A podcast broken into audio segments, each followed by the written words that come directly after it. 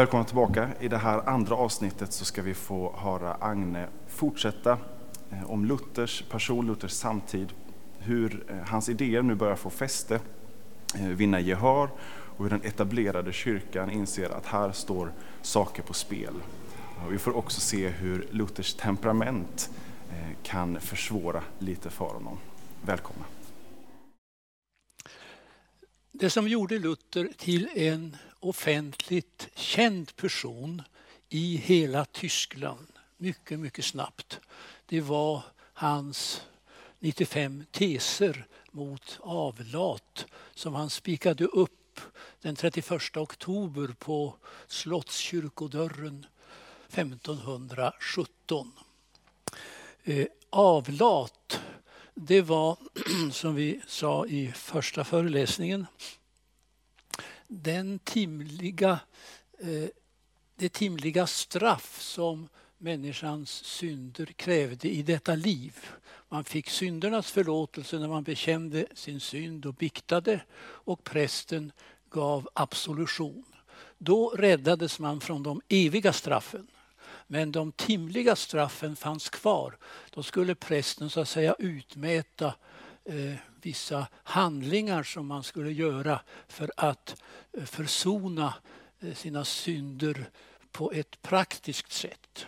Eh, det där har vi ju behållit i vår själavårdsundervisning så tillvida att har man stulit något från någon så ska man försöka ge tillbaka det. Eller man ska försöka gottgöra om man har skadat någon på något sätt det finns ju kvar i den lutherska själavårdstraditionen. Men eh, Luther tog helt avstånd från den här typen av timliga straff. Och eh, det hade då eh, man tänkt lösa så från Rom att man kunde eh, köpa förlåtelse för detta genom att betala en viss summa pengar och köpa avlatsbrev. Och påven Julius II hade startat bygga Peterskyrkan 1506 och Leo den tionde han behövde mycket pengar för att fortsätta byggandet av denna vackra kyrka som vi ju ofta har sett. Och då kom man på det här med avlat. Och då gav man i uppdrag till då en kardinal eller en biskop inom ett visst eh, stift att eh, han skulle sälja så många avlatsbrev som möjligt som försäkrade köparna då att mamma och pappa eh, befriades från straffen i skärselden och gick direkt in i saligheten. Och Tetzel var en sån känd avlatsförsäljare som hade officiellt uppdrag från kardinal och påve i Tyskland. Och det här stötte ju Luther på som själasörjare och som predikant i Wittenberg och han blev utomordentligt upprörd över denna sorts handel. Den hade pågått i Skandinavien. Vi betalade inte mindre än 30 000 guldmynt från 1504 till 1516 till avlatsförsäljarna i Sverige och Finland. Så vi var riktigt fromma på den tiden och lydiga mot påven. Eh, så han skrev sina 95 teser och han gjorde det i egenskap av universitetsprofessor som var van att lägga fram teser för eh, diskussion. Då det skulle vara då en som angrep och en som försvarade. I Luthers fall nu så var det så att säga en som skulle då försvara det eh, i regel. Eh, och det skulle då tillgå på akademiskt sätt. Så han, han uppmanade nu hela kyrkan i Tyskland att diskutera det här på ett akademiskt, väldigt anständigt och eh, lärt sätt. Och eh, ni känner ju till hur den första formuleringen eh, lät. Eh, jag hittar den nu.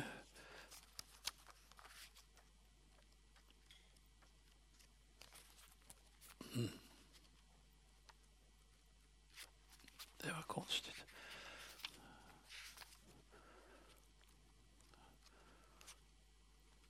När Jesus Kristus sade gör bot talade han om det, den kristnes inre liv som bör vara en botgörares. Vad beträffar det avlater kyrkan uttalar kunna icke befria från någonting annat än de botövningar kyrkan ålagt. Det kunna icke hava något inflytande på Guds beslut eller det öde som är förbehållet de dödas själar. Och läser man dessa 95 teser grundligt så ser man att han ifrågasätter påvens och kyrkomötets auktoritet mycket kraftfullt. Och det upptäckte ju Eh, både kardinalen och påven att nu var det mycket som stod på spel.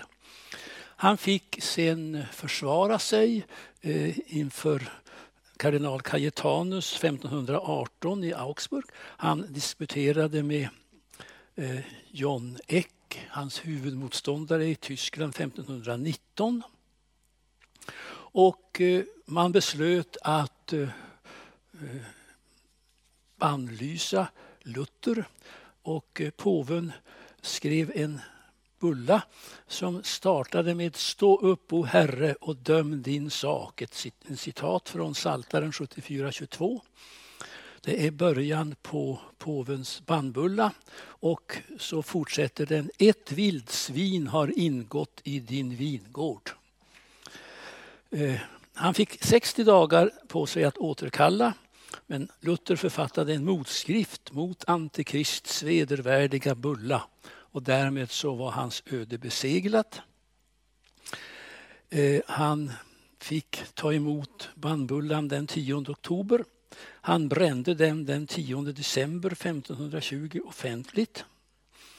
Och den 3 januari 1521 så utfärdade påven en ny bulla, deket Romanum Pontificum, där han exkommunicerades offentligt.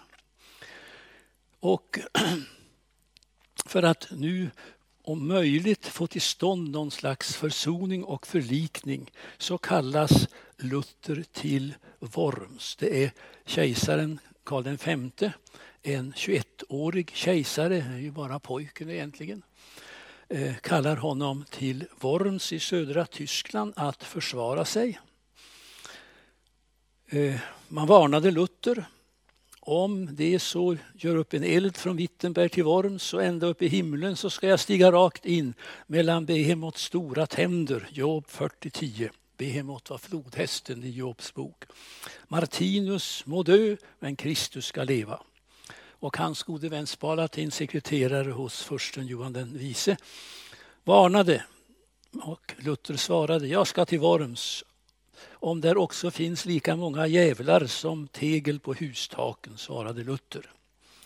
Eh, första dagen så hölls förhöret av Johan von Eck, inte eh, biskopen i Tyskland utan en man från Italien. Och man la upp en bunt böcker framför Luther i rikssalen och eh, Eck frågade Eh, är dessa böcker av dig? Och Luther hade ju egentligen inte chans att se riktigt men han svarade ja. Och så kom den andra frågan, vill du återkalla innehållet? Och eh, det är här nu som Luther inte svarar nej. Därför att eh, han var inte så övertygad om att allt vad han hade skrivit var så riktigt bra. Utan han hade väntat sig att man skulle citera kärnsatserna i det han hade skrivit. Och då kunde han ta ställning, ja eller nej. Eh, så han teg. Man har tolkat det som att han blev feg och att han liksom blev eh, så tagen av situationen så han förlorade fattningen. Men, förlorad, men förmodligen så eh, kunde han inte svara varken ja eller nej för han ville veta om det var de böcker som han helt godkände eller inte. Andra dagen den 18 april klockan sex på eftermiddagen så fick han då hålla sitt försvarstal. Han talade först på tyska, sen på latin för att kejsaren skulle förstå någonting. Och då talade han med hög och stark stämma, helt orädd. Och eh, det är där som han då avslutar eh, den här berömda eh, passagen som har tolkats väldigt olika. Här står jag och kan inte annat. Gud hjälpe mig. Amen. Eh, det är osäkert om han sa här står jag och kan inte annat. Eh, förmodligen sa han det, men det finns inte i det första protokollet. Däremot Gud hjälpe mig, eh, det står i första protokollet. Och därmed så är ju hans öde avgjort. Eh, och domar, eh, kejsaren dikterade sin dom samma kväll. Men samma kväll så gör man ett försök att övertala Luther. Eh, och man gör det på ett väldigt vänligt sätt. Man prövade olika formler för en överenskommelse. Luther var några gånger rörd till tårar men lät sig inte rubbas. Jag kan inte skilja mig från den heliga skrift, sa han. Eh, Ediktet innebar då sen att Luther förklarades fågelfri. Den som påträffade honom var skyldig att överlämna honom till de kejserliga myndigheterna, vilket var liktydigt med kättarbål. Dödsstraff och egendomskonfiskation drabbade var och en som dolde eller bistod Luther. Så slutade eh, riksdagen i Worms. Han stannade ytterligare ett antal dagar. Man försökte i fyra förhandlingsrundor. Riksståndskommissionen, som var något annat än kejsaren, försökte medla och, och, och få någon slags eh, ja, försonande position, men Luther sa nej. Och den 26 april lämnar han Worms och han eh, predikar på hemvägen i föräldrarnas hemby Möra.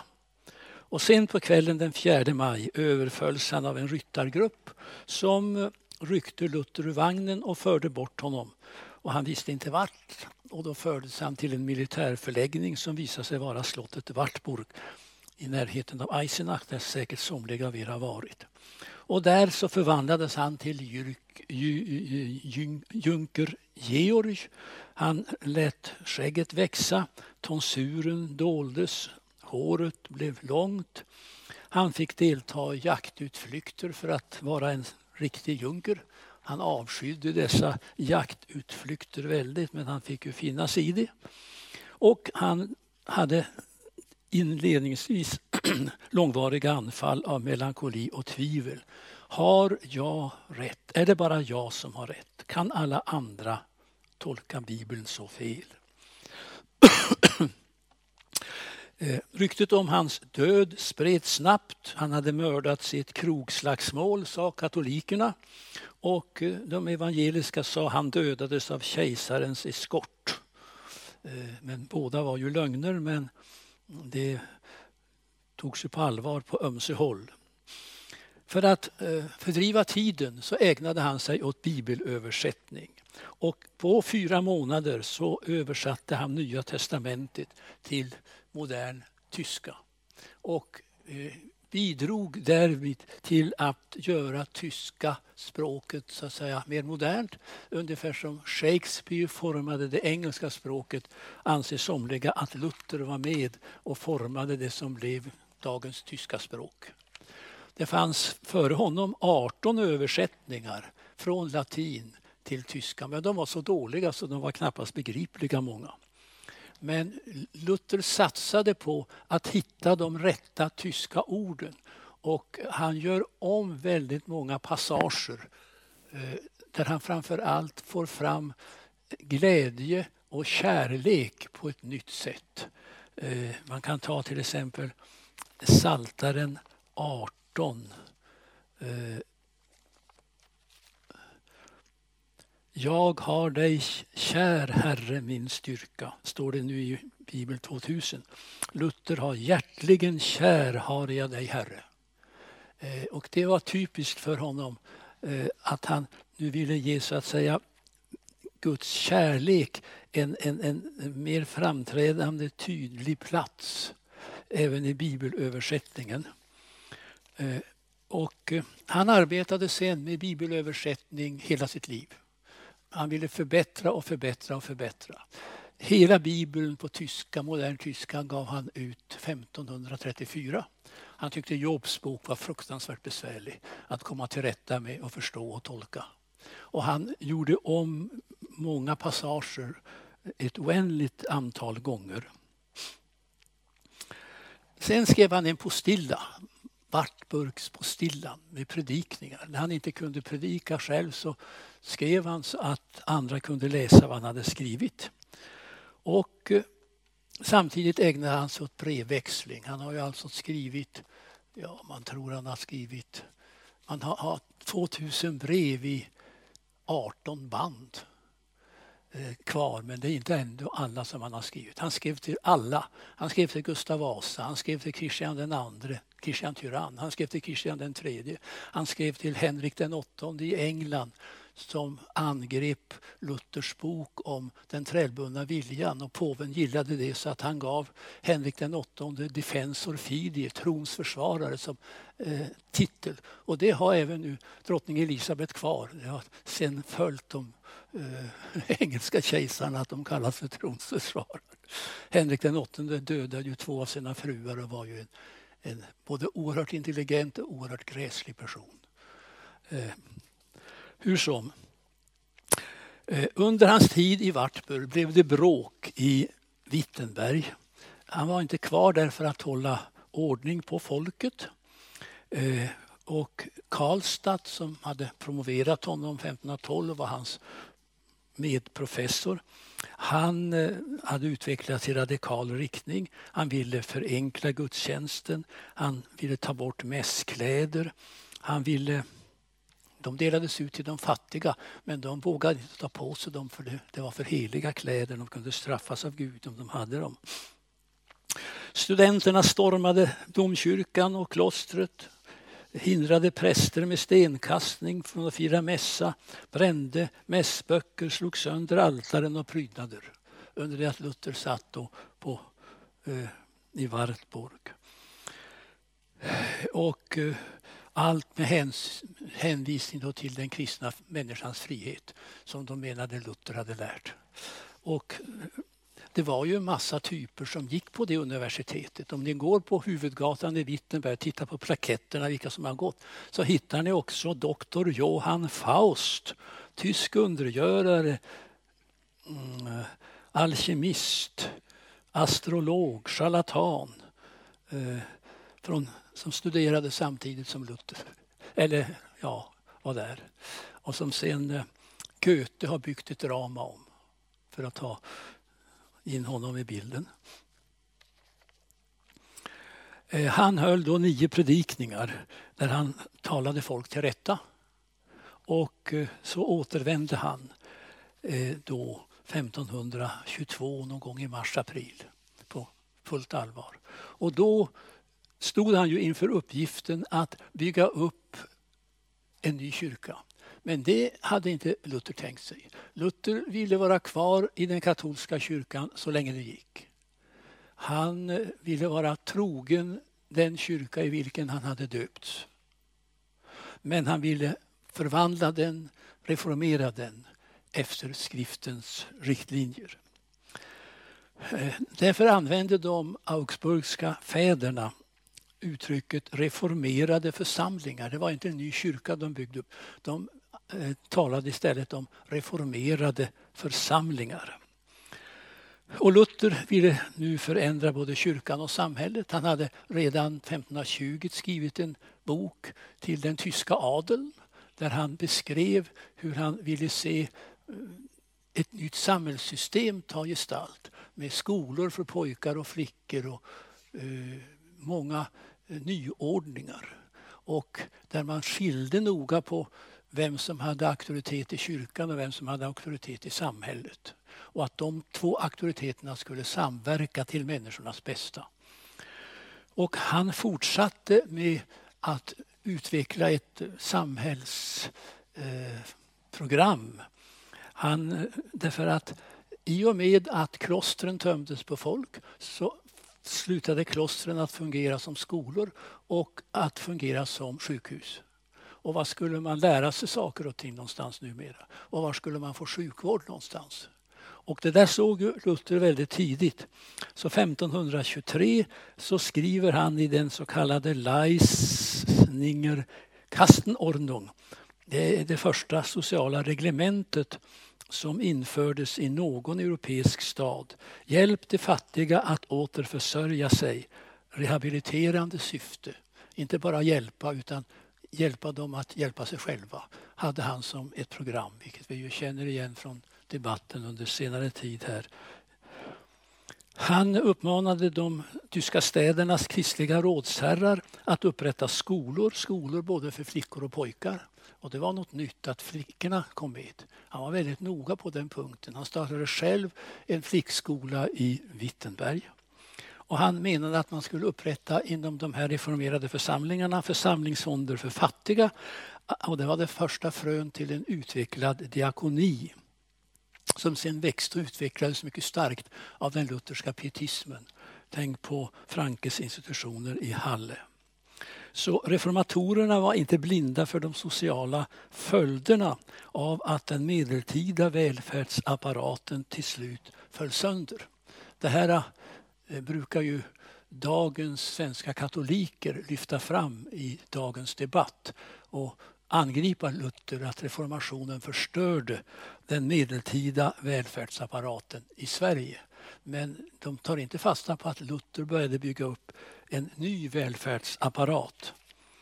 Och eh, eh de politiska kraven på en sociallagstiftning framträdde tidigast i Tyskland just i det protestantiska Preussen, men eh, långt senare.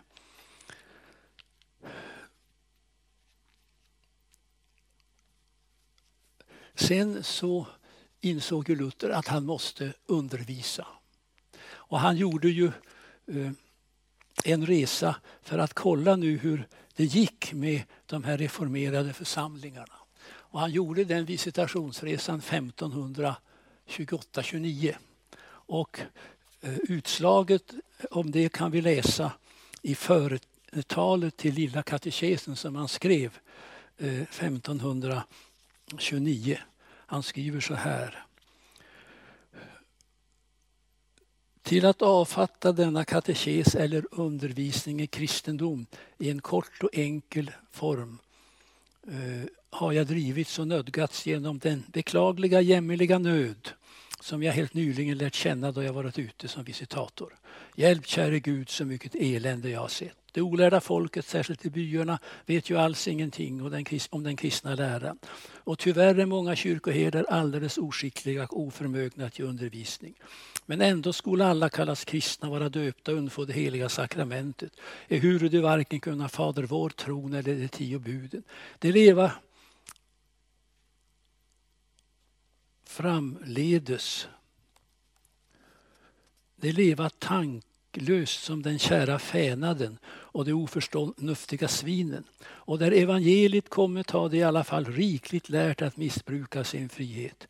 O i biskopar, hur viljen ni stå till svars inför Kristus, för att i så skändligt haven låtit folket vara och icke ett ögonblick vårdat eder om ert ämbete. Ja, sen så företalet i stora katekesen, där går han ännu hårdare åt prästerna. Eh, det Eh, inte så lite som han beskyller dem för. Och hans eh, katekeser har ju bedömts som kanske hans bästa böcker, Lilla katekesen. Den som har fått mest genomslag, den som eh, ju användes i Sverige som huvudsaklig lärobok i kristendom ända till 1918-19. Och det var så att säga den kunskap som gemene man lärde sig. Och för att kunna eh, läsa så måste man lära sig läsa. Och eh, det har alltså Luther bidragit med som ingen annan. Eh, Sverige är en av de första länderna i Europa där alla i stort sett kunde läsa från ungefär 1630. Det har e- Egil Johansson som var professor i pedagogikens historia i Umeå visat genom sina undersökningar i svenska kyrkböcker från den tiden. Och det visste ingen förut. Man trodde att vi lärde oss läsa 1842 när eh, folkskolestadgan genomfördes. Den medförde istället att det var, blev färre som kunde läsa första decenniet innan den verkligen fick plats. För att då tog så att säga, kommunen över det som kyrkoherden hade haft eh, sitt ansvar för.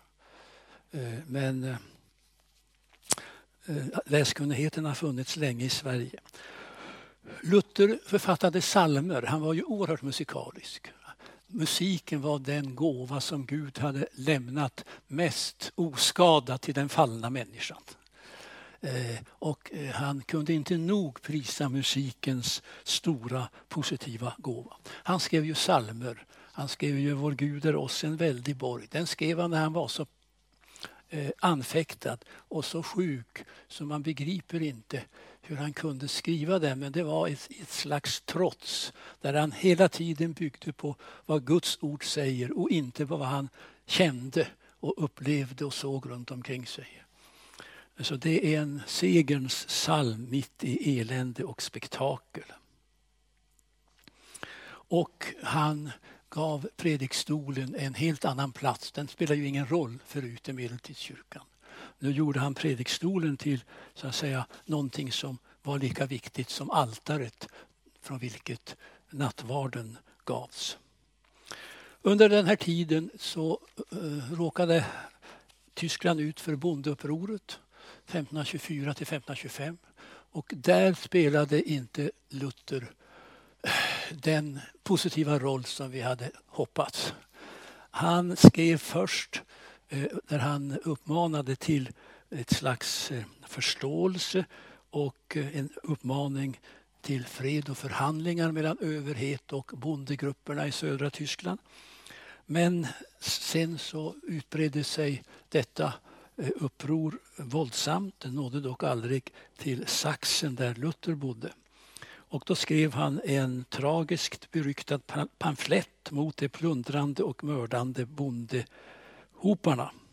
Och eh, eh, han använder då ett våldsamt språk som var vanligt. När man polemiserade med varann så skällde man på varann med alla tänkbara förnedrande termer och svordomar som fanns.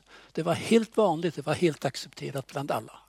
Och de som är specialister på detta och har forskat säger att Luther var måttfull jämfört med många andra som han angrep. Men för oss är det väldigt anstötligt att läsa. Det måste jag ju säga. Och vi tycker inte att det finns något skäl att försvara Luther. Han gav också sen ut en tredje skrift som, där han modifierade sina uttalanden eh, i maj eh, eh 1525. Eh, men det här är en av de mörka punkterna i Luthers historia. 1525 så gifter han sig. Och han hade varit med om att befria nunnor från Nimsch 9 eller 12. Och han hade hjälpt till så att en som handlade med sill satte in dem i tomma silltunnor och tog ut dem ur klostret och staden. Och de kom till Wittenberg och det blev Luthers jobb att gifta bort dem. Eh, och det gick riktigt bra. Men så var det eh, en kvar, Katarina von Bora. Och eh, eh, Luther hade först tänkt ut en man åt henne som var förtjust i henne men drog sig tillbaka. Och så var det en girig buk som var präst någonstans som eh, han föreslog skulle få gifta sig med Katarina. Och hon sa absolut nej. Och eh, Bogenhagens eh, Spalatin sa till Luther med en svordom eh, hur i alla världens dagar kan du vara så jäklig mot henne så du tänker gifta bort henne mot en med en girig buk. Och Luther backade givetvis. Och så tillfrågade då man henne vem hon ville gifta sig med. Och då sa hon, jag vill ingen annan ha än doktor Martin Luther eller doktor Amstorf, den närmaste vännen till Luther. Och eh, ja, Luther stod ju där med sin tvättade hals. Han hade, säger han själv, varit lite smått intresserad av tre nunnor förut men de hade gått åt annat håll och han hade inte haft mycket tid att tänka på sånt här. Och eh, hans pappa ville absolut att han skulle gifta sig så att han fick eh, några barn. Och till sist så fick han en slags gudomlig tillförsäkran att Gud ville att han skulle gifta sig. Han skrev sen, det räcker inte att man har liksom en känsla och en dragning till varandra, man måste veta att Gud vill det. Och då fick han klart för sig att Gud vill det och han sa i vårt språk, jag var inte speciellt kär men ändå, hon var ju rätt bra. Och jag attraherades av henne på något sätt. Eh, och det skedde då i, april, i slutet av april och den 13 juni gifte de sig. På samma dag, samtidigt nästan, först förlovning som leddes av hans eh, präst Bogenhagen och sen omedelbart vigsel. Det brukar vara minst ett år emellan i vanliga fall i Tyskland men Luther slog ihop det till en. Och sen fördes de till sängen, äktenskapliga sängen och lades i sängen så att alla vittnena kunde se att de lade sig där ordentligt och sen drog man för och så gick man. Och dagen efter så var det då en slags fest för bröllopsvittnena. Eh, så det gick fort. Luther fick eh, med Katarina sex barn på åtta år. Och eh, Birgit Stolt vars bok om Luther själv, Hjärtats och glädjens teolog, som en utomordentlig bok. Eh, hon skriver att Luthers upplevelse av äktenskapet kom att också prägla eh, hans syn på Gud. Han fick en ljusare gudsbild sen, eh, skriver hon. Och han liknade då ofta eh, eh, Gud vid en mor som byter blöjor eh, när barnet har gjort på sig och det luktar illa. Och då säger Luther, och skulle då inte Gud byta blöjor på oss och förlåta oss våra synder med samma kärlek som Käte byter på mina barn? Eh, och han utvecklade det temat eh, väldigt eh, intensivt och väldigt positivt. Jag har här en del bra. Aldrig hade jag kunnat tro att en fars hjärta kan bli så ömt mot sina barn, skriver han i ett brev 1528, där han själv skildrar sorgen över en späd dotters död, Elisabet. När han ser Kätes kärlek till barnen börjar han likna Guds kärlek till människorna vid moderskärleken. Martin föddes 1531. Käfte tilltalade honom med smeknamnet Martinichen. Gud måste vara mycket vänligare mot mig och tala till mig än min kära Käte mot lilla Martin, säger Luther samma år. En annan gång konstaterar han att moderskärleken är mycket starkare än barnets skit och snor. När Käte byter blöjor får Luther genast associationer till människans synder. Liknar han stanken från blöjorna säger Gud fader måste uthärda mycket värre stank från människorna än far och mor från sina barn. Och när en student frågar hur många gånger orkar Gud förlåta oss? Då hänvisar han till att Käte hon säger inte att nu orkar jag inte byta blöjor längre på barnen utan hon fortsätter. Och så gör Gud också med oss för han kan inte vara sämre än Käte. Eh, och eh, det där gör att han använder eh, bilder om äktenskap och bröllop. Speciellt då när han talar om att själen och brudgummen Kristus bryter, byter bröllopsgåvor. Det som vi talade om, ein frölicher växel, en underbar växling. ett glatt byte där synd byts mot rättfärdighet och resultatet blir eine Fröliche Wirtschaft, ett glädjefyllt gästabud. Så mycket om det. Eh,